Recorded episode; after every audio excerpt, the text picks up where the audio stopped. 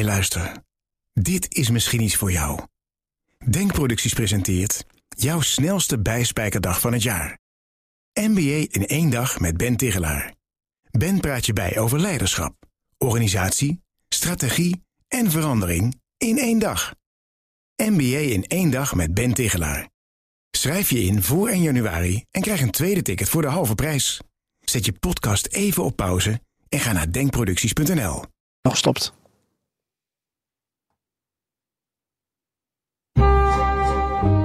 De Perestrooikast. Een blik op Oost-Europa.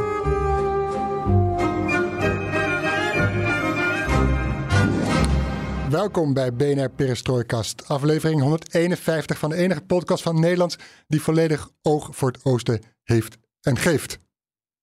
151? Zijn we daar al? Uh, ja, het gaat snel. Eigenlijk moeten we bij 150 zijn, toch? Ja, ik was hier in Praag al uh, bezig met een feestje vieren. Ja, nee, erbij. Uh, ja, dat mag. Ja, gelijk heb je. Maar die 150ste, dat moet natuurlijk een bijzondere aflevering worden. Dus die houden we nog even achter de hand. Hoewel, deze 151ste, ja, ik vind hem ook al bijzonder. Want jij zit in Praag bij de geboorte van de Europese politieke gemeenschap. Een top met 44 Europese landen zonder Rusland en Belarus. Uh, dus dit is ook alweer natuurlijk een, een, een, een uitzending die historisch valt te noemen. Um, wie liep jij bij de Praagse burg eigenlijk tegen het lijf? Ja, wie niet? Mijn waarde Floris. Ja, Poetin en Lukashenko niet. Nou, dan heb je daar het antwoord. Klaar. nee, het is natuurlijk een komen en gaan. En we nemen dit op op vrijdagmiddag. En op uh, donderdag rond lunch stond Petr Fiala de premier van Tsjechië. En Tsjechië is uh, voorzitter van de EU en was dus ook uh, gastheer van deze ja, nieuwe bijeenkomst. Fiala die stond uh, bij de Praagse burcht netjes iedereen op te wachten. Maar dat ging dus om 43 of nee 45 kolonnes. auto's, allemaal begeleid door politie. politie met politici erin. -huh. Uh, alleen Denemarken had uh, last minute afgezegd. Maar ook von der Leyen en Michel die waren er namens de EU. Dus ja, het was een bondgezelschap. En ik geloof dat we wel anderhalf twee uur hebben staan kijken naar iedereen die binnenkwam. En dan sta je daar als pers allemaal in een rij opgesteld. Nou, dan gaat dus uh, een premier of president of bondskanselier of wat dan ook. Die gaat eerst naar Petr Fiala toe. En dan loopt hij naar de pers. En dan kun je even kletsen. En zo heb ik gesproken met Sanna Marin, Kaya Kallas, um, Noceda, De Croo, Rutte, Erdogan uh, zei 10 seconden iets in Turks. -hmm. uh, dat heb ik even uh, laten vertalen door uh, onze welbekende Isa Yusibov. Maar Isa zei het was niet diplomatieks. Dus nou ja, dat heb ik maar weer weggegooid. Oh. Scholz die liep nog een straal voorbij. Ja, ik weet niet, misschien een, reps, een recept of een café okay, voor vanavond. Dat zou kunnen, ja. En ehm, Nee, Aliyev liep iedereen straal voorbij. Uh, Pashinian had een gezicht echt op onweer. Mm -hmm. Nou ja, en, uh, maar iedereen was er wel. Ja, en, en, jij zegt kletsen, maar ik neem aan dat je hen het vuur aan of naar de schenen hebt gelegd. Waarover een klein tipje van de sluiver over waar je met hen over sprak. Nou, ik heb mensen vooraf aan de eerste Europese politieke gemeenschap gesproken en mensen achteraf gesproken. Mm -hmm. Vooraf vraag je natuurlijk wat zijn je verwachtingen ervan, wanneer is het een succes? En achteraf dan ga je toch een beetje uh, vragen of het wel een succes was. En er zijn nog wel andere dingen in die wandelgangen besproken. Kijk, we zijn er, we zijn er gaandeweg achter gekomen deze dagen in Praag. Wat voor nieuw forum dit eigenlijk is. Uh -huh. uh, het is geen instelling, het is geen instituut, het is meer een forum. En welke waarde het ook heeft. En zeker ook voor onze regio. Dus daar zo meer over. Ja, we gaan het daar inderdaad, wat je al aankondigt, meer over hebben. Zoals de luisteraar van ons is gewend. Want in de perestrooikast kan alles ten oosten van de rivier de Elbe de komende weken, maanden, jaren in deze podcast worden besproken. Ja, hier in Tsjechië moet je dan alles ten oosten van de Labbe zeggen. Dat laat ik, ben er naartoe gereden met de auto. Dan kom je ook langs Oesti nad Labem. En dat is dus eigenlijk gewoon uh, een stadje boven de Elbe. Wat leuk is, is dat we heel sociaal en democratisch zijn. En abonneer je op ons, zodat je geen aflevering hoeft te missen. We krijgen steeds meer vrienden van de Perestrooikast. En dat komt omdat ze ons weten te vinden in de podcast-app BNR ja. Inderdaad. Um, ik ben Floris Akkerman. Geert-Jan Haan vanuit Praag. En dit is BNR Perestrooikast.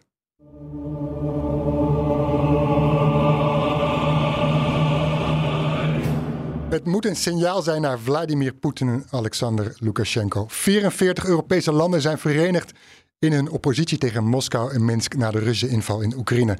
Voor het eerst kwamen de leiders van 44 landen bij elkaar. Van Azerbeidzjan tot het Verenigd Koninkrijk, van Moldavië tot Frankrijk. De initiatiefnemer van deze top. En wie er ook was, was Geert-Jan Haan. Geert-Jan Haan, gewoon Geert-Jan. je hebt daar twee tot drie dagen, je hebt daar twee tot drie dagen rondgelopen. President Haan mag ja, ook. president, oké. dat, is, dat is eh, voor je campagne. Dan heb je alvast je eigen podcast, je eigen medium. Heel goed. Zeker. Ehm, wat heb je daar allemaal gehoord? Ja, van alles, Floris, van Mhm. alles. Ja, het is een heel brede vraag Ehm, natuurlijk. Het is een, niet een anti-Poetin-top. Zo is het niet bedoeld. Dat is wel een beeld dat eruit voortkomt. En dat is toch ook een gespreksonderwerp geweest. Ik denk eigenlijk dat het eh, vooraf vooral zoeken was naar... wat is dit voor bijeenkomst? En dat vond ik wel heel interessant. Want eh, ja, drie maanden geleden hebben wij Edi Rama geïnterviewd samen in Den Haag. Albanese premier. Premier van Albanië. Mhm. En die kwam eh, afgelopen woensdag met een opiniestuk samen met Mark Rutte. Een joint proposal gepubliceerd op de website Politico. Nou, wij wisten dat al, dat dat eraan zat te komen. Dat kun je namelijk terugluisteren in onze aflevering 135. Ehm, Rama schetste al wat contouren, wat voor soort bijeenkomst en club hij eigenlijk verwachtte. Het moest een club zijn die niet alleen rekening hield met 27 EU-landen, maar eigenlijk met 44 Europese landen. Ook Zwitserland is er, Noorwegen, eh, Oekraïne, Verenigd Koninkrijk, Turkije. Mhm. En eigenlijk is het daarmee wel een anti-Poetin club geworden. Maar dat is niet zo bedoeld. Iedereen die gewoon voor vrede en veiligheid en ehm, een betere handel en economie en eh, betere verdeling van vaccins of eh, wat dan ook is in Europa, die is eigenlijk welkom eh, Mhm. in dit model. Nou ja, en ik moet zeggen, door dat joint proposal van Rutte en Rama, waardoor de Balkan en West-Europa ook weer wat nader tot elkaar kwamen, ja, dan krijg je een beetje een beter beeld. Toen dacht ik eigenlijk woensdag van, hé, hey, wordt het dan toch meer een instelling? Gaat het toch meer over beleid? Maar het is echt op dit moment, na de eerste versie kan ik zeggen, het is echt meer een praatclub. Benen op tafel, in de goede zin van het woord. Want er staat geen druk op de ketel, dus je kan vrijer met elkaar spreken. Ik denk dat we daarom ook een aantal resultaten kunnen bespreken zo met elkaar.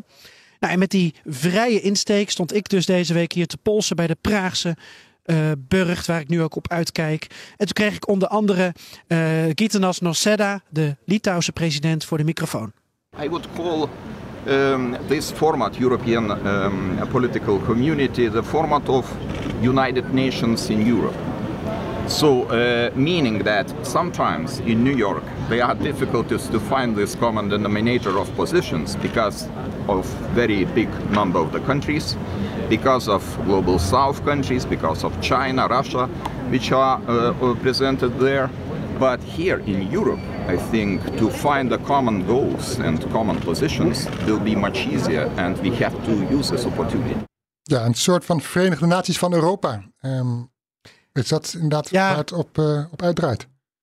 Volgens mij moest hij er zelf om lachen toen hij het zei. Ik denk dat dat wat zwaar is aangezet. Ik bedoel, het is wel zo dat een aantal ehm, organisaties zoals de VN en de OVSE momenteel niet zo goed werken als het gaat om, om vrede en veiligheid eh, op ons continent. Misschien kun je het beter een soort van politieke OVSE noemen, hoe het zich tot nu toe manifesteert. Ja, ik weet niet, Floris, wat was eigenlijk jouw verwachting vooraf? Hè? Wij hebben samen toen Rama geïnterviewd, we hebben ons daarin verdiept. Wat, wat staat jou er nog van bij? Nou, eh, wat ik dacht van, dit is in eerste instantie weer een leuk eh, idee van Macron. Die hier eh goede shit mee wil halen. En dus ja, eh, was ik toch wat. Dus ik had mijn bedenkingen erbij. En zoveel landen, zoveel bij elkaar. Maar als ik nu kijk, en daar komen we zo meteen nog wel eh, op terug. Als we bijvoorbeeld Azerbeidzjan, Armenië, die hebben gesproken met elkaar. En Turkije. Dat was dan niet weer gelukt zonder deze 44 landen bij elkaar te zetten in Praag. Nee, dat denk ik ook niet. Was natuurlijk sowieso al bijzonder. Rama die ingaat op een idee van Macron en dan samenwerkt met Rutte. Mhm, ja. Wat eigenlijk gewoon vijanden in Europa zijn, omdat Frankrijk en Nederland eh, ja, een eigen kijk hebben op eh, toetreding van landen van de Balkan tot de Europese Unie. Toen werd er dus ook gezegd van nou, is, dat dan, is dit dan een Europese Unie 2.0 of een Europese Unie light? Ja, wat Ja, ik, wat ik, wat we ik wel toen dus- dacht, nu je het toch over hebt, ben ik er nog even over, door. Dat het wel goed is Ja. inderdaad dat die landen bij elkaar komen, omdat steeds West vergat aan Oost te denken en eh, naar Rusland keek zonder eh, eh, te weten of te luisteren naar wat Albanië zegt of naar de Baltische landen zeggen. Dus in die zin is het natuurlijk, dacht ik toen, goed om elkaar te ontmoeten. Maar ik onderbrak je even, want je was in een bloedmooie zin bezig. Nou, die eindig ik bij deze. Want wat jij nu zegt over West en Oost nader tot elkaar brengen. En in ieder geval ook dat alle westerse leiders daar dan zijn. Hè? Alle West-Europese leiders. Dat is denk ik voor een land als Moldavië of Albanië van groot belang. Mhm. Iedereen is hier. Iedereen kan met elkaar praten. En nou ja, weet je, ik, ik vroeg het dus ook aan Kaya Kallas. Ehm, eh, net weer opnieuw verkozen tot, uh, tot de premier van Estland. En ik vroeg haar uh, inderdaad over die, die Oost-West dynamiek. En uh, of dit dan een statement is richting Rusland en Belarus. Een soort club die eenheid moet uitstralen. Maar ook Floris. Of dit dan ja, eigenlijk um, Rutte en Scholz en Macron uh, nu extra duidelijk maakt dat we gewoon één Europa zijn. En dat je niet te veel meer kan denken in West en Oost. -hmm. Do you think it's finally on top of mind of Western European leaders like Mark Rutte that we should talk firm and act decisively when it comes to Russian aggression? Uh, we have been very strong and and and um, united in this uh, response, and I, I, think we have to keep it that way. What is clear to everybody is that Putin is not uh, backing away from his threats, and we have to treat it as such. Uh, these are threats that we should not give in. Otherwise, if we give in, then he will just take another bite, and every next time it's uh, it's more uh, awful than it was the previous. Yeah. And is this format of today that we're all here together, all Europe, is that um, the result of focusing with 44 countries on the same issue, namely peace and security in Europe? Uh, I, I certainly do hope so. Uh, we are in this situation together, and we are uh, having we have the European Union, uh, but we also have the countries that are geographically in Europe, uh, and and the more we have uh, the same understanding of the situation, the better. A final question: When will this meeting be a result, in your opinion? Um, by this evening, I guess. Uh, but uh, the question is whether there's going to be a renewal, uh, whether this is going to be a format that is coming together uh, not only once, but uh, but every year, for example. And that's most important to you, that it will be on a regular basis. It depends on the outcome. If if we feel that there is uh, is this. Um, results because every prime minister has does not have a schedule uh, you know, empty of uh, agenda. That's why every additional meeting uh, requires really that uh, there's a good outcome out of it. But let's see how it goes. Ja, dat was Callas, iemand die er met gestrekt been ingaat tegen, tegen Rusland. Um, Geert-Jan, jij sprak niet alleen met haar, maar ook met onze premier. Ja, laten we nog naar een klein stukje van dat gesprek luisteren. Uh, als, als voorbeschouwing mm um, op dat hele, uh, ja, op die eerste Europese politieke gemeenschap. Mark Rutte. Wat zei die? Uh, dat, die kop ken ik ergens van of niet? nee, hij hield het even. Ik vind nog steeds dat je dat niet kan zeggen. ja, dat kan. Diplomatiek hoor. Kom maar, kom maar. Wanneer is dit format volgens u een succes? Als dit ertoe leidt dat al deze meer dan 40 regeringschefs en presidenten zich hier vertrouwd voelen om diepgaven te analyseren wat zijn de problemen en wat kunnen we gezamenlijk doen om ze op te lossen. Als dat lukt, dan is dit een succes. En zijn uiteindelijk Belarus en Rusland op een latere termijn dan ook welkom wat u betreft? Dan zullen er grote veranderingen moeten plaatsvinden eerst. Oké, okay, dan heb je gesproken ja. aan, de, aan de poort. Ja, wat vond je daarvan? Wat vond je daarvan? Wat, wat van het laatste? Ja? Van die laatste opening, nou ja, daar, daar, daar, je kan, daar moeten zeker grote veranderingen plaatsvinden, ja. Je kan natuurlijk nu niet aan tafel zitten en ook niet uh, als uh, uh, ze dezelfde taal uit blijken te staan. Lukashenko en Poetin. Al is daar vrede nee, maar getekend. het is natuurlijk wel een enorme discussie nu van... moet je uiteindelijk uitgaan van een Europa met Rusland en Belarus... ook al is dat nu niet mogelijk. Um, ik denk dat, dat je op een gegeven moment kun je best met ze aan tafel zitten, maar niet met deze twee leiders. Oké. Okay. Ik wou het even bij je checken. Ja, jij niet dan? Ik denk het ook. Maar uh, ik heb daar straks uh, nog een, um, een aardige woordenwisseling over met zowel de Belgische premier als met Mark Rutte. Okay. Daar gaan we, zo, uh, gaan we zo ook naar luisteren. Ja, de spanning erin. Oké, okay, je, hebt, je hebt ze ontvangen bij de poort en dan gaan ze de Praagse burcht in. En dan, wat, wat, waar hangt iedereen uit? Nou, dan is er eerst een uh, grote algemene bijeenkomst, een soort grote ja, lunch. Een format uh, waarbij uh, iedereen met iedereen een beetje kan praten. En dan krijg je bilaterale ontmoetingen. En dan heb je eigenlijk vier gesprekken. Dus in het geval van Mark Rutte sprak hij met bijvoorbeeld Liz Truss van Engeland, met Noorwegen, met Golop van Slovenië Mhm. en ook met Oekraïne. En dat deed hij samen met eh, de leiders van België en eh, Luxemburg. Nou, iedereen zoekt dus gesprekken uit met niet-EU-leden en met EU-leden. De een doet het om eh, ja, handelsbelangen wat meer veilig te stellen of te polsen. Hè. Denk aan Noorwegen en Engeland in het geval van Nederland. Of in het geval van België, die dan dan overleg met Zwitserland. Ehm, dat soort dingen vonden dan plaats. Maar in de marge daarvan had je ook echt hele wezenlijke bilaterale ontmoetingen. Zoals ehm, eh, de ontmoetingen eh, van eh Azerbeidzjan en Armenië samen. Aliyev en Pashinyan met Erdogan. Ik zag ook nog beelden dat Macron en Orbán erbij stonden. Mhm. En Pashinyan die heeft de hele dag eigenlijk strotzagrijnig gekeken. Ehm Waarom? Aliyev kwam op een gegeven moment een beetje los. Waarom was hij zagrijnig? Misschien omdat Amerika er niet bij was. Omdat eh, dat toch de grote partner nu lijkt te zijn. Nu Rusland geen thuis geeft eh, voor, eh, voor Armenië om druk uit te oefenen op de geopolitieke situatie in de Caucasus. Ehm, En Zou- Aliyev voelde zich gedekt door, door Erdogan. zeker. Ehm, nu, moet je dan, en- nu moet je het dan zo zien. Er zijn twee ontmoetingen geweest. Hè? Dus je had Aliyev en eh Pashinyan eh, met Turkije. Mhm. En je had Aliyev en Pashinyan met Macron en met Charles Michel namens de EU. Ja, ook dat je nog wilde toevoegen. Nou ja, kijk, ik, ik, ik snap ten deels ook wel dat Pashinyan, Pashinyan eh, daar zagrijnig rondloopt. Aan de andere kant was de, is deze 44 landen top ook voor hem de kans om eh, in contact te komen met Macron, met de Europese Unie, die eigenlijk het afgelopen jaar, eh, toen, althans de afgelopen twee jaar, toen die oorlog al eerder uitbrak over Nagorno- Nagorno-Karabakh, twee jaar geleden, eh, onzichtbaar waren. En was het eigenlijk Rusland eh, dat eh, de muziek bepaalde. Ook voor Armenië. Dus deels is het voor, ook voor Armenië kans om aansluiting te vinden bij andere landen. En probe- te proberen minder afhankelijk te worden van, van Rusland. En dus ook Ja. met Turkije te praten. En economische Ja. banden aan te trekken.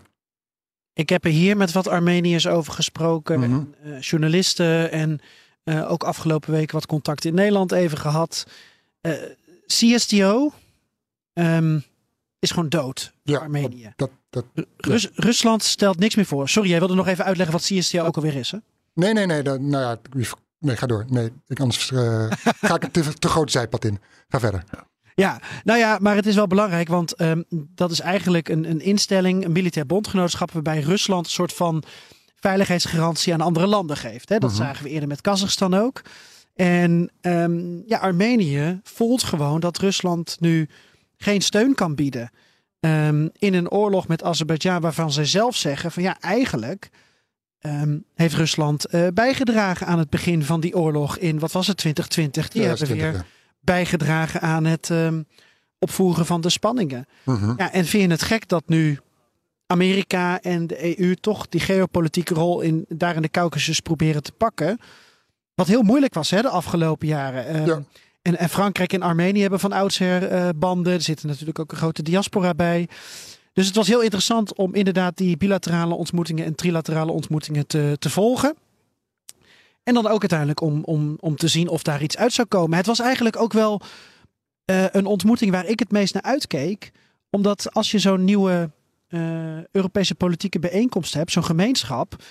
Voor de buitenwereld is toch belangrijk dat er iets van een succesje wordt geclaimd. Mhm. En dat is niet dat Rutte en Truss eh, weer wat meer handel met elkaar gaan drijven of zo. Dat is breder. En zeker omdat het veiligheidsvraagstuk zo hoog op de agenda staat. En ik zag dat Kosovo had niet de premier geleverd, maar de president. eh, waardoor Vucic en Kurti niet rechtstreeks met elkaar konden praten. Toen dacht ik van ja, misschien... ehm, nou ja, hoewel Vucic is ook president, maar goed, dat even terzijde. Ehm, ik, ik kreeg de indruk dat de, de hoop van Europa een beetje op een doorbraak eh, op meer veiligheid in de Caucasus was gericht van Mhm. tevoren. Ja, nou ja, kijk, het is in ieder geval, eh, als je met z'n allen wil uitstralen dat je Rusland buiten de deur wil houden, dan is het natuurlijk wel een middel. Omdat Rusland de afgelopen jaren in de Caucasus daar eh, niemand toeliet. Meester in om, Nee. om de andere landen, westerse landen, buiten de Caucasus te houden. Ja. Ehm, dan maken we even een sprong. De donderdagavond. Eh, stapavond. Ehm, Ik dat- heb het rustig gehouden. Ja. Je bent, ja. Eh, stappen die, hoe stappen ze dan naar buiten, die Europese leiders, om eh, dan vervolgens de kroeg in te gaan of het hotel in te gaan of weet ik wat ze gaan doen vervolgens 's avonds de nacht. De clubs. nou ja, de Nederlanders en de Belgen sliepen bij elkaar. Dus die zullen wel een wilde nacht hebben gehad. Met Nee, allemaal leffe blons of zo. Geloof ik. En duveltjes. En Heineken. Ehm, nou ja, iedereen heeft dan vier eh, bilaterale of trilaterale ontmoetingen achter de rug. En dan eh, staat er een eh, diner op de planning. En, en daarna gaan de meeste niet-EU-leiders weer naar huis. Want vandaag, vrijdag, is er een informele EU-top. Dus dan is de club van 44 uitgedund tot 27. Nou ja, en Mark Rutte kwam bijvoorbeeld om eh, 7 uur, kwart over 7 gisteravond naar buiten. Had nog een gesprek met, met Golop gehad van Slovenië. En ehm, ja, toen zei hij dit over hoe hij de eerste Europese politieke bijeenkomst eh, had beleefd. De belangrijkste boodschap aan de Russen is dat wij hier verenigd zijn. Dat hier 44 landen bij elkaar zijn die de Russische inval veroordelen. Eh, Dat wij zeer verenigd zijn om ervoor te zorgen dat Oekraïne dit niet gaat verliezen, maar kan winnen. Eh, Het bij elkaar zijn, maar ook alle gesprekken die we gevoerd hebben, hebben die toon, hebben die boodschap. Maar er zijn meer dingen gebeurd. Het was echt een goede bijeenkomst. Daar gaat u misschien nog vragen over stellen. Maar over Rusland is dat de centrale boodschap. En wat hoopt u dan dat Poetin doet na vandaag? Het belangrijkste is natuurlijk dat dit eindigt. Eh, Dat hij zich realiseert dat hij alleen staat. Eh, Dat eh, uiteindelijk alleen nog Belarus aan zijn kant staat. En dat heel Europa verenigd is in deze strijd. Maar ziet u dat gebeuren na zo'n bijeenkomst? Nee, niet naar deze bijeenkomst, maar elke stap helpt. En je moet eh, de druk blijven opbouwen. Waar het natuurlijk ook vandaag over ging, was over gas en de gasprijzen. En je merkt hier ook de meerwaarde van zo'n club van 44 naast de Europese Unie van 27. Ja, en weet je waarom, Floris? Wat, waarom? Nou, waarom eh, zo'n club van 44 dan een meerwaarde heeft. eh, ook als het gaat om gas. Omdat dan, dan, dan komen we weer terug bij wat Edi Rama eerder zei. Hoe kan je nou vaccins verstrekken bij een pandemie aan 27 EU-lidstaten? Hoe kan je dat wel doen aan Kroatië, maar dan niet aan buurland Servië of buurland Bosnië?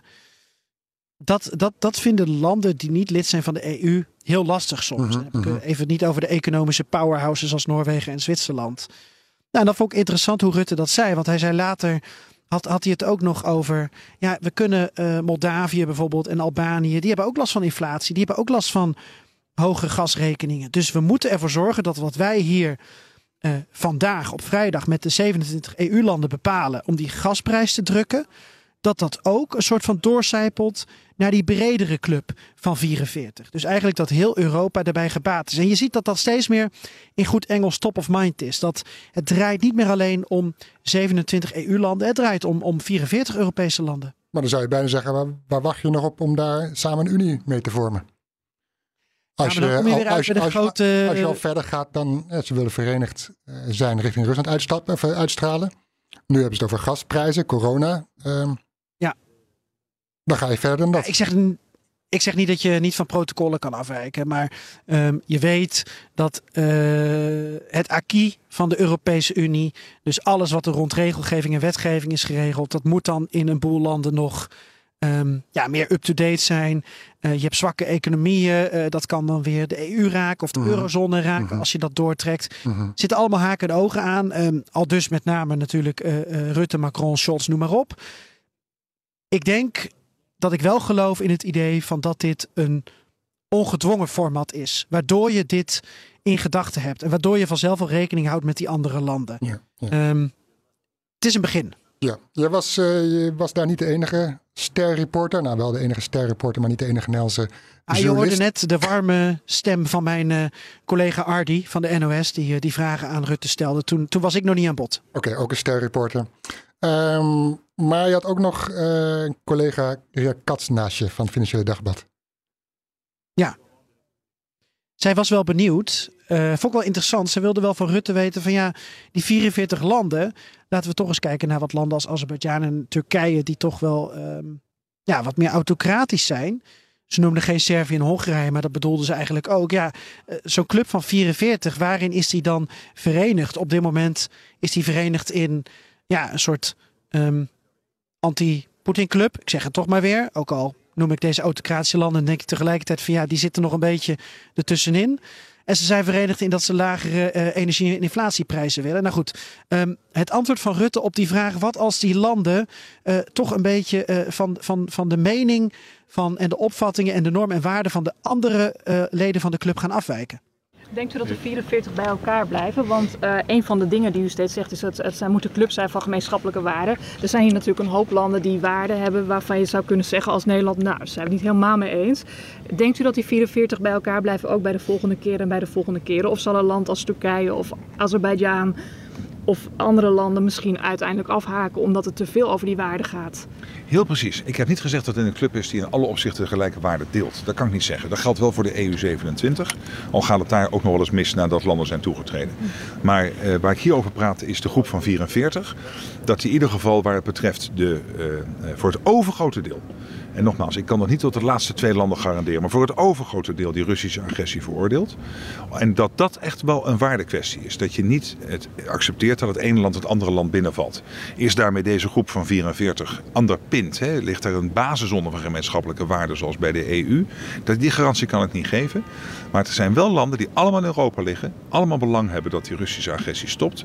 Allemaal belang hebben dat die gasprijs gaat dalen. En dan zie je gewoon de meerwaarde van met elkaar zo'n gesprek voeren. Dus dan heb je het over waarden. Aan de kant Europese waarden voor mensenrechten en juridische rechten. Versus de waarde van wij zijn tegen de inval van Rusland in Oekraïne. Daar gaat het eigenlijk om. Ja, op dit moment. Mm -hmm. uh, maar het vervolg van, van deze Europese politieke gemeenschap kan ook over andere opgaven staan natuurlijk. Ja. Slaan. Ja, want um, je, je, noemt inderdaad Servië of Hongarije, Fujic, uh, Or Orban. Ja, die zie ik volgende week alweer afreizen naar Moskou, wijze van spreken. Um, in hoeverre hou je, ja. kun je die dan inderdaad, ik weet dat je die antwoord niet, dat antwoord niet kan geven, maar ja, toch, toch op die lijn houden, we, we veroordelen de Russische inval. Nou, ik kan er wel iets over zeggen. Namelijk dat uh, we weten dat uh, Russische en uh, Chinese.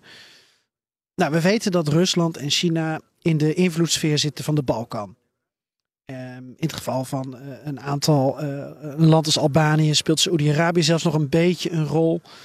Uh, Turkije natuurlijk. Dus je wil als Europa die landen bij je houden, bij je betrekken. Alleen dat wil je wel doen met draagvlak van je eigen bevolking. Dus je kunt niet zomaar iedereen lid maken van de EU. Is dan de opvatting van de regeringsleiders. Mm -hmm. Daarom is nu deze, dit forum bedacht. Met het idee dat iedereen het gevoel heeft dat hij erbij kan horen. En dat je ook in onderlinge gesprekken uh, elkaar een beetje de waarheid kan vertellen. Want de druk staat, zoals ik al zei, niet op de ketel. Het is niet iets dat, dat ze dingen in eigen land moeten verkopen of zo, of dingen aan elkaar moeten beloven. En ik denk vanuit die optiek dat het interessant is en goed is dat Vucic en Orbán uh, erbij zijn. Want dan heb je in ieder geval een gesprek met ze. En um, je betrekt ze meer in jouw invloedssfeer. En ik wil ook niet te veel in invloedssfeer eigenlijk spreken, hè, want dan gaan we mee in, in een frame van, nou ja, we moeten de wereld opdelen in invloedssfeer. En daar ben ik niet voor. Ik ben voor soevereiniteit. Maar ik denk wel dat het goed is um, dat, dat je op deze manier ongedwongen wat meer contact met elkaar houdt. Want iedereen is er dus, wat ik al zei. Ja. Maar goed, ik weet niet of jij er anders naar kijkt hoor. Nou ja, kijk, het hangt ook vanaf uh, wat, hoe het er voor eruit ziet. Um, maar goed, ik, uh, kijk, wat ik denk ook aan Turkije bijvoorbeeld. Het, Turkije zie je ook op, op allerlei unies, bondgenootschappen en toppen verschijnen. Dat zijn natuurlijk allemaal landen die proberen hun belangen zoveel mogelijk overal ergens te behartigen. Dus natuurlijk ook een, soort van opportunisme of een geopolitiek denken bij uh, hoe kan ik het beste, waar kan ik het beste aanhaken, waar kan ik het beste op dat moment uh, mee, uh, mee in zee gaan. Ja, maar ik vond dat um, premier Rutte en ook de Belgische premier De Croo en nog een paar andere landen ongelooflijk blij waren met dat Liz erbij was. En Rutte zei uh, meerdere keren uh, dat hij dat fijn vond. Hij, hij, hij ging uh, Truss, zo zei hij vooraf, complimenteren met alle steun aan Oekraïne. Ik dacht wel een beetje van ja, volgens mij zijn we hier om het gat tussen Oost en West te dichten. En natuurlijk, het is goed dat Groot-Brittannië erbij is en Noorwegen en Zwitserland en noem maar op. Maar ik had het idee dat een aantal West-Europese leiders vanwege handelsbetrekkingen toch wel heel blij waren met Engeland en ook met Noorwegen. Dus ja, dat aspect van die waarde, dat, dat is dan niet alleen maar gaande. En ook uh, wat je zegt over Turkije, ja, dat doen andere landen dan eigenlijk ook. Iedereen is toch ook een beetje bezig met uh, zijn eigen land uh, vertegenwoordigen, Mhm. met de BV Nederland. Ja. en dat mag. ik denk dat dat gewoon altijd zo is. Ja, dan gaan we van de BV Nederland naar de BV, naar BV België. Ehm, je sprak ook met de Belgische premier Alexander De Croo.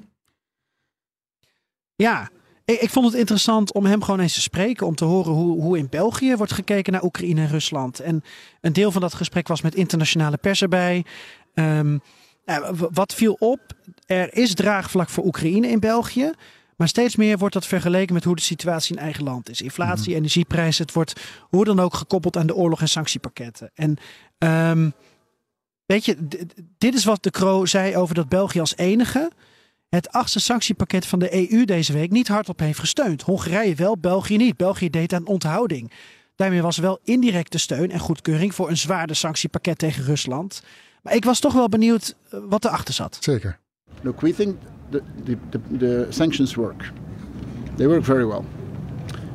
But the further you go into sanctions, you more you get into sanctions that are actually hurting our own economies more than they're hurting the Russian one, and where the impact is a very asymmetrical impact. The previous sanctions was for everyone. Now you get into domains where certain countries are touched in a very direct way. And for us, it was related to steel. And the risk there, we, we are still, but we agreed. In the end, we abstained. We didn't say no because we don't want to break the European solidarity. Um, but the moment that throughout Europe you will have industrial activity that says, okay, based on this we stop, and a few thousand people lose their job, is this the way we are going to keep solidarity in supporting Ukraine? I think we're making it extremely hard. And this is, that's maybe the main point. I mean, how do you keep the solidarity of the European countries and also of our population to keep supporting Ukraine? The fact that Ukraine has military success obviously helps. This is great. This we can use this to explain to our population. It's worth it to do it. But the moment that the economic cost of this is getting so high, and the moment you will start people losing their job, then it's going to be hard. And uh, so I'm on that element of the sanctions. I'm not convinced that this is actually helping the Ukrainians. I think it's potentially making it harder for us to support them. Do you think when moments on? But we didn't. But we didn't block it. We didn't block it because we think European solidarity is, is important. Sorry. Maar goed, als ik hier nog even wat op mag uh, aanvullen. Ik, ik, nee?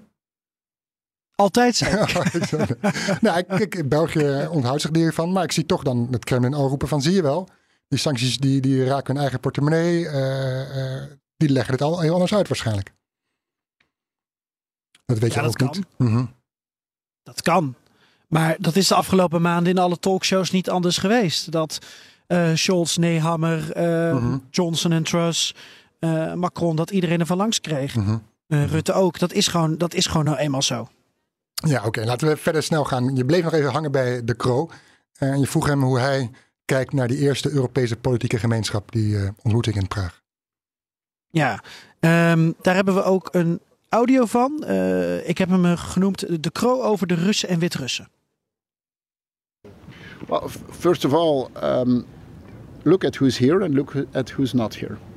I mean, the whole European continent is here except the two Russias, and it shows how isolated they are, and and it shows the unity that there is on the European continent. And this is, I'm not going to say it's new, but there was some doubts a few weeks ago on whether all countries would be on the same uh, on the same on, on, the same line. I think it proves that there is a need for a format like this to talk about security, about strategic economy, and uh, and, and, and and so on. And for us, more specifically, it's also a way to, to interact with, uh, with our British friends and, and to find a good way of, of organizing that. And it, I mean, there's people interested to organize the next event, so it I guess it's useful. Was there a specific demand from the Ukrainian Prime Minister towards Belgium?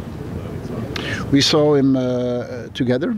Uh, the main element we talked about um, is about their demand to become part of NATO. Um, and I think there our message was our first priority is to help you win the war. Help you win the war will only work if we remain united. And that should be the first priority. The question about becoming NATO member, we understand the question, but that's not the priority now. Let's let's see how and, and keeping all countries united also related to that question is the is, should be the first priority. And then we talked about yeah, other things on how do we, we, we want to help them uh, support them financially and so on. Dat was de Kroo. Geert-Jan, jij ging uh, de strijd aan met zowel hem, de premier van België, als, als Mark Rutte. Um, laat even luisteren naar wat de Kroo zei over Rusland. U heeft het over steun geven aan Oekraïne en Oekraïne helpen winnen. Is er dan vandaag ook gesproken over het verslaan van Poetin? Want u bent hier bijeen om de veiligheid van Europa te bespreken. Ja. Is dat niet het punt? Ik denk het korte, korte termijn doel is om de oorlog te winnen. En, en dat is aan de Oekraïners te bepalen wat dat wil zeggen. In de bewoordingen van de Oekraïners is dat hun volledige grondgebied, zoals het internationaal erkend is, terugkrijgen. Ik vind dat een zeer logische keuze. We moeten hen daarin steunen. Dat is de keuze die zij, uh, die zij maken. Um, dan komt er een tweede vraag, namelijk hoe stabiliseer je Europa? En hoe zorg je voor veiligheid en stabiliteit in Europa voor de komende decennia? Dat is een andere vraag. Um, en daar zijn heel wat zaken aan het veranderen. Je hebt nieuwe landen die lid geworden zijn van de NAVO, die historisch steeds gezegd hebben dat ze daar geen deel wilden van, uh, van, uh, van zijn. Voor mij is dat het stabiliseren van Europa wil niet per se zeggen dat wij in oorlog zijn met Vladimir Poetin. Maar we gaan wel alles doen om te zorgen dat wij veilig zijn. En zorgen dat wij veilig zijn is een veiligheidsverhaal, maar is ook een economisch verhaal. De discussie over hoge prijzen gaat natuurlijk over onze facturen, gaat natuurlijk over onze bedrijven. Maar in die end gaat het ook over de stabiliteit van Europa, gaat ook over ons economisch en sociaal vooral te zorgen dat de spanningen niet te groot worden in, onze, in, onze, in onze maatschappij. En dus de discussie over energieprijzen is eigenlijk ook een veiligheidsdiscussie. En dat is het punt dat we ook met de Noren gemaakt hebben. De Noren zijn geen deel van de Europese Unie, maar ze zijn wel lid van de NAVO. En als NAVO-lid heb je wel een verantwoordelijkheid om ervoor te zorgen dat Europa stabiel blijft. En dus te hoge energieprijzen destabiliseren Europa en zijn een veiligheidsrisico. Dat begrijp ik, maar een afsluitende vervolgvraag. U heeft ook met uw Estische collega Callas gesproken. Hebben de uh, landen in Centraal- en Oost-Europa aan u duidelijk gemaakt dat uh, ook u langzamerhand moet nadenken over het scenario dat er misschien regime change in Rusland komt? Dat heeft uh, mevrouw Callas mij niet gezegd. Um, ik was er niet bij, dus ik vraag het Nee, maar dat heeft ze mij niet gezegd. Maar natuurlijk is het wel zo dat naar haar luisteren en naar haar collega's luisteren voor ons vaak wel een eye-opener is. Wij hebben het geleefd, wij hebben het nooit geleefd, uh, natuurlijk. Um, onze prioriteit is te doen wat nodig is om Europa te stabiliseren. En dat wil zeggen dat we meer investeren in defensie. Dat wil zeggen dat we economisch ook een stuk geopolitieker gaan moeten denken dan het stukje naïviteit dat wij als Europeanen vandaag hadden. Met betrekking tot energie, waarschijnlijk ook met betrekking tot vele andere uh, zaken. Maar ik vind niet dat je er mag van uitgaan dat je iemand per se moet verzwakken om ervoor te zorgen dat jij veilig kan zijn. Dat begrijp ik toch niet, meneer uh, premier? Ik vind dat wel. Dat, excuus, uh, als u het niet begrijpt, dat is mijn redenering. Misschien mag iemand een vervolgvraag stellen. Ja, maar, uh... oh, allee, heel interessant. Dank u wel. Hè? Dank u wel. Kwam er nog een vervolgvraag of niet? Nee, hij ging weg. Sorry, er zaten een paar kleine plopjes in de, in de audio. Ja, kijk, weet je waarom ik daar nieuwsgierig naar was? Omdat het gaat bij West-Europese leiders veel over het steunen van Oekraïne en dat Oekraïne uiteindelijk wel moet winnen. Maar het lijkt alsof er nu nog niet mag worden nagedacht of gesproken worden over de verschillende scenario's die ook voor Rusland op tafel liggen. En dat is toch ook voor de Europese veiligheidsarchitectuur. En we hadden het al over, ja, vinden we, vinden we Rusland onderdeel van, van Europa? Vind ik dat wel belangrijk. En Misschien kunnen ze niet alles zeggen, maar ik wil er toch eens informeren. Je krijgt gewoon ook niet altijd de kans om één op één met een premier erover te praten. Dus ik heb dat gewoon gedaan in het geval van de Kro. Ja, je bedoelt eigenlijk te zeggen van welke scenario's. Wat, wat, wat, wat, wat moet je met Rusland in allerlei scenario's? Een land. Ja, maar zo specifiek kun je, kun je dat niet nee, dat snap ik. Uh, vragen. Dan kun je veranderen van een regime change, maar ook een, een Rusland, een Russisch Rijk dat in elkaar stort. Tot we moeten verder met Poetin. Dat, je, dat ze daarover nadenken. We werken, Floris, we werken in Nederland aan een nieuwe Ruslandbrief, een nieuwe Ruslandstrategie. Mhm. Die oude van Stef Blok, die is ongelooflijk gedateerd naar alles wat er is gebeurd. In Europa wordt er ook over nagedacht. Wat moet een Ruslandstrategie zijn? Ja, vanuit die hoedanigheid vind ik het toch interessant om dat eens aan Europese leiders te vragen. Zeker aan West-Europese leiders die er anders in staan dan Oost-Europese leiders. Nou ja, en kijk naar dit format. Dit is uh, het moment, vind ik, heb ik zelf bepaald, om naar te vragen. Want het is gewoon uh, bovenin het kopje van iedereen aanwezig.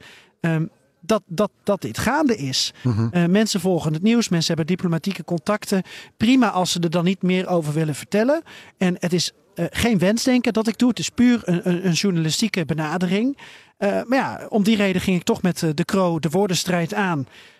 Ook trouwens met Mark Rutte. En dat werd nog wel een, een potje pittiger. Zo, echt wel. We gaan over alle scenario's vanzelfsprekend. En dat doen we al maanden en ook intensief met onze bondgenoten. Het is ontzettend belangrijk dat Oekraïne deze strijd wint. Dat Rusland deze strijd verliest. En dat het helder is dat agressie, eh, imperialisme, kolonialisme in Europa niet acceptabel is. Maar wordt het niet een doel om toch ervoor te zorgen dat Rusland niet wint? Nee, het doel is dat Oekraïne niet verliest, maar deze strijd wint. En dan verliest dus Rusland. En bent u al bezig met het idee, en is dat ook u duidelijk gemaakt hier door uw collega's uit Centraal- en Oost-Europa, dat een Russische regime change misschien wel mogelijk is? En hoe werkt u aan dat scenario? Pas nou op met dat soort termen. Want dan moet je ook maar kijken wat er voor in de plaats komt. Waar het om gaat is dat Rusland deze oorlog moet verliezen. Dat Oekraïne deze oorlog moet winnen. Daar werken we vreselijk hard aan. Daar geven we ook alle steun voor aan Oekraïne. Eh, ik zou echt heel terughoudend zijn met dat soort termen. Laatste vraag dan, eh, want u zegt pas nou op. Eh, tegelijkertijd, het kan toch niet erger dan dit?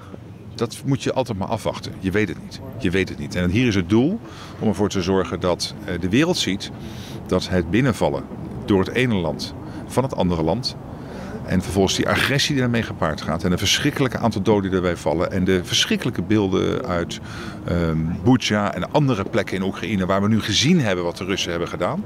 En we houden ons hart vast wat we nog gaan aantreffen als Gerson bevrijd zou worden en andere steden. Wat we daar gaan aantreffen. Dat dat onacceptabel is. En dat dus Oekraïne dit moet winnen.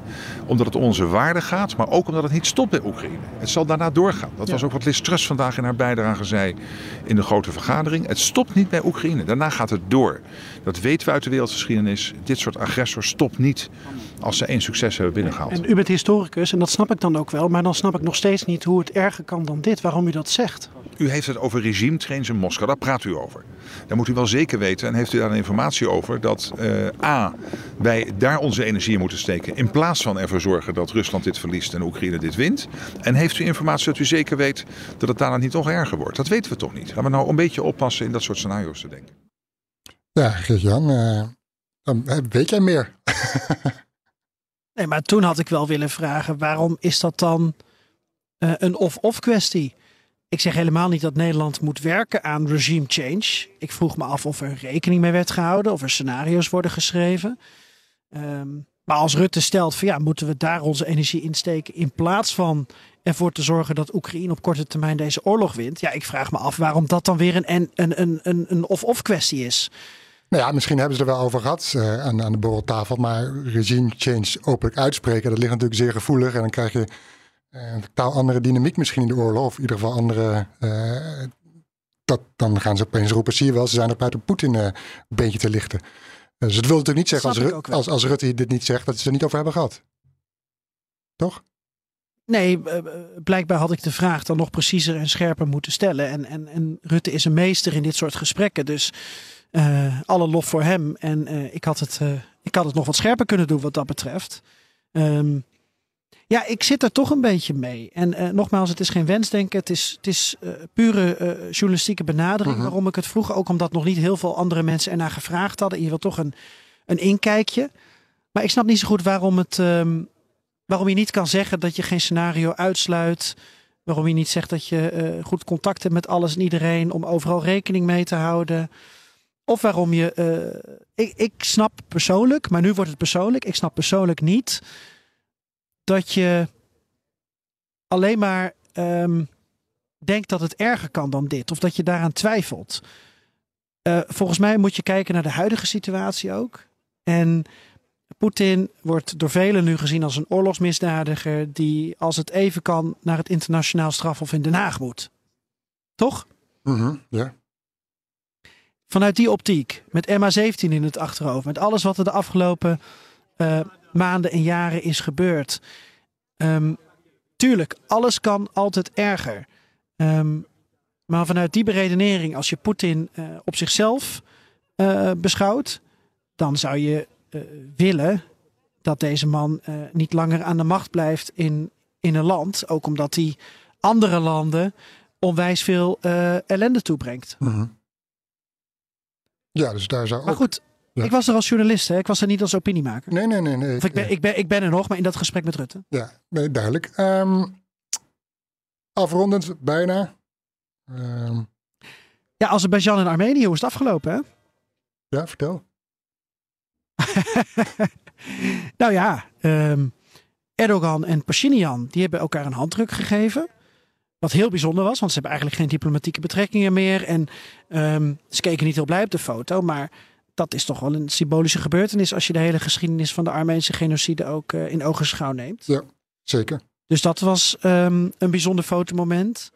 En er komt een EU-missie, die gaat naar Armenië de komende twee maanden. Om in dat eh, grensgebied, eh, de plek waar uh, Azerbeidzjan gebieden annexeert. Ja, hoe zit om het daar dan? voor, Mhm. voor wat rust in de tent te zorgen. Ja, maar daar loopt ook weer een Russische missie rond. Ben benieuwd. Ja, dat weten we niet. Maar ik denk dat het een, eh, een goed signaal is. Eh, het is geen, geen, eh, geen militaire missie hè, vanuit de EU. Het is een, een burgermissie. Dat is al een verschil. Ja. Zie het eerder als soort monitoring. Ja, dat, dat kan de OVSE nu niet doen. Omdat de OVSE wordt eigenlijk door Rusland gegijzeld. Om dit soort dingen op te zetten. Dus ja, ehm, al met al eh, niet tevreden van Praag. Maar misschien wel de aanzet tot een vrede ooit. Ja. Eh, Eerste hoop doet leven, mijn waarde Floris. Zeker, zeker. Hoop doet leven. Ehm, even dat, het was een beetje eigenlijk de rode draad door het gesprek. En je hoort het soms ook zeggen. De Kroo bijvoorbeeld, eh, die zei iets van... Wij leven niet zoals zij hebben geleefd of zoals zij leven, hè, met Rusland als buurland. Daar moeten we, we moeten vaker luisteren naar de Baltische landen. Heb je het idee dat op deze top West naar Oost inderdaad heeft geluisterd en daar ook naar handelt? Gaat handelen? Ja, dat denk ik wel. Ja, ik denk ook dat eh, wij vanuit onze Nederlandse bril eh, soms denken van goh, daar aan de oostflank van Europa, daar zijn ze enorme haviken en zijn ze maar aan het pushen, pushen, pushen en meer, meer, meer. Heb je net een sanctiepakket vastgesteld en dan moet het nog verder gaan. Ehm, wat dat betreft is er denk ik altijd ehm, eh, een zoektocht naar een gezonde balans. Ja, ik denk dat dit format ideaal hiervoor was. Ehm, Weet je, eh, ook eh, eh, Kosovo was hier, ook Macedonië was hier, iedereen was hier. Ja. ja. Ehm, en er zijn dus veel bilaterale geweest.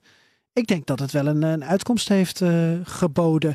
Ja, en je, ik denk dat het er ook om gaat. Je moet ook niet te veel verwachten. Je moet niet denken dat je in een, in een halve middag eh, tijd vol vergaderingen en dan s'avonds nog een etentje. dat je dan de wereld kan vera- veranderen en elkaar beter begrijpt. Maar misschien wel een klein beetje beter. Wellicht. En als die oorlog is afgelopen, eh, als afgelopen, als, als, als, als Oekraïne zijn grond terug heeft, dan is. Wat is dan het vervolg van, deze, van dit soort bijeenkomsten? Vraag me dan af. Nou, deze bijeenkomst, dit format gaat niet alleen om de Russische oorlog in Oekraïne. Of gaat niet alleen om de vrijheid van Oekraïne. Mhm. Eh, dit gaat om eh, blijven luisteren naar elkaar. Ehm, dat is denk ik het allerbelangrijkste in een ongedwongen setting. Hier prachtig op de Praagse burcht. Joh, zonnetje al drie dagen lang. Ja. Het is fantastisch. Dus Ja. eh, het is genieten. Blijven praten met En- elkaar. Oh, sorry. En, En? Floris, we moeten afsluiten met dat we eh, toch naar het grootste succes van dit land gaan sinds ehm Ozone Dragoster Dinté over het Europese continent heeft eh, ehm, ja, geëxporteerd. We gaan naar Moldavië. Met vliegtuig. Je hebt hem gewoon klaarstaan. Fantastisch. Even luisteren hoor. Heerlijk.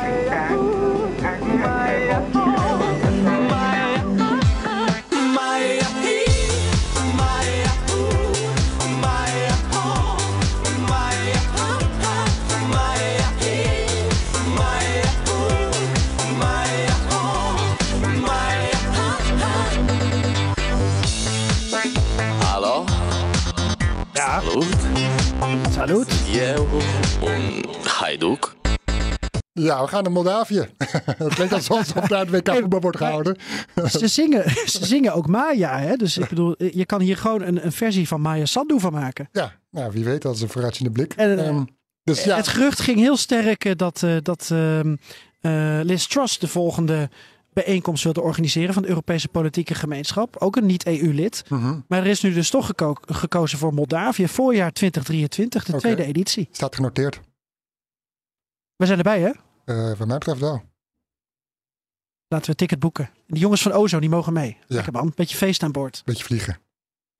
Dankjewel Geert-Jan. Uh, ja, meer dan een geweldige berichtgeving uit, uh, uit Praag. Um, ik weet niet of je nog ergens anders op andere kanalen hierover te horen bent. In je andere podcast bijvoorbeeld. Ja, we hebben in BNR Europa hebben we erop vooruit geblikt. Mm -hmm. uh, dus dan hoor je nog een beetje hoe we denken dat het format wordt. Nou, het is toch weer anders geworden. Uh, ja, de hele week uh, op BNR. Maar ik denk dat het vooral voor mij heel nuttig was om hier te zijn. Ook omdat wij die hele zomerserie hebben gemaakt samen over Oost en West. En mm -hmm. hoe je kloven kunt dichten. En eigenlijk is met dit format een eerste aanzet gegeven tot het daadwerkelijk dichten van een kloof tussen uh, westers denken en, en oosters denken, om het even zo zwart-wit eh, te zeggen. En hier in Praag, in Centraal-Europa, ik vind het allemaal geweldige symboliek, Floris. Ik ben er blij mee. Ja, goed zo. Als jij dat bent, ben ik dat ook. Tijd voor een kozel. Doe dat. Paka. AJO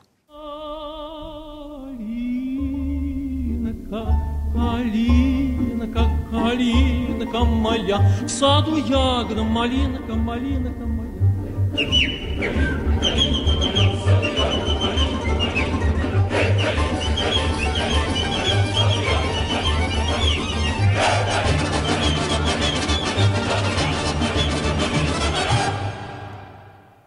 Ja, we, hebben in... ja, we hebben in ons archief natuurlijk geen mop gevonden over de Europese politieke gemeenschap. Dus vandaar dat Joost maar een keertje ontbreekt. Ja. Volgende keer wel weer, hè? Uh, het zal wel moeten. We hebben geen keuze. Je hebt altijd een keuze, waarde Floris. Oké. Okay, Ik ga aan het bier. Doe dat, Goed uit. Praag. Ajeto. Aju. Paka. Hé, hey, luister. Dit is misschien iets voor jou. Denkproducties presenteert jouw snelste bijspijkerdag van het jaar. MBA in één dag met Ben Tigelaar. Ben praat je bij over leiderschap, organisatie, strategie en verandering in één dag. MBA in één dag met Ben Tigelaar. Schrijf je in voor 1 januari en krijg een tweede ticket voor de halve prijs. Zet je podcast even op pauze en ga naar denkproducties.nl.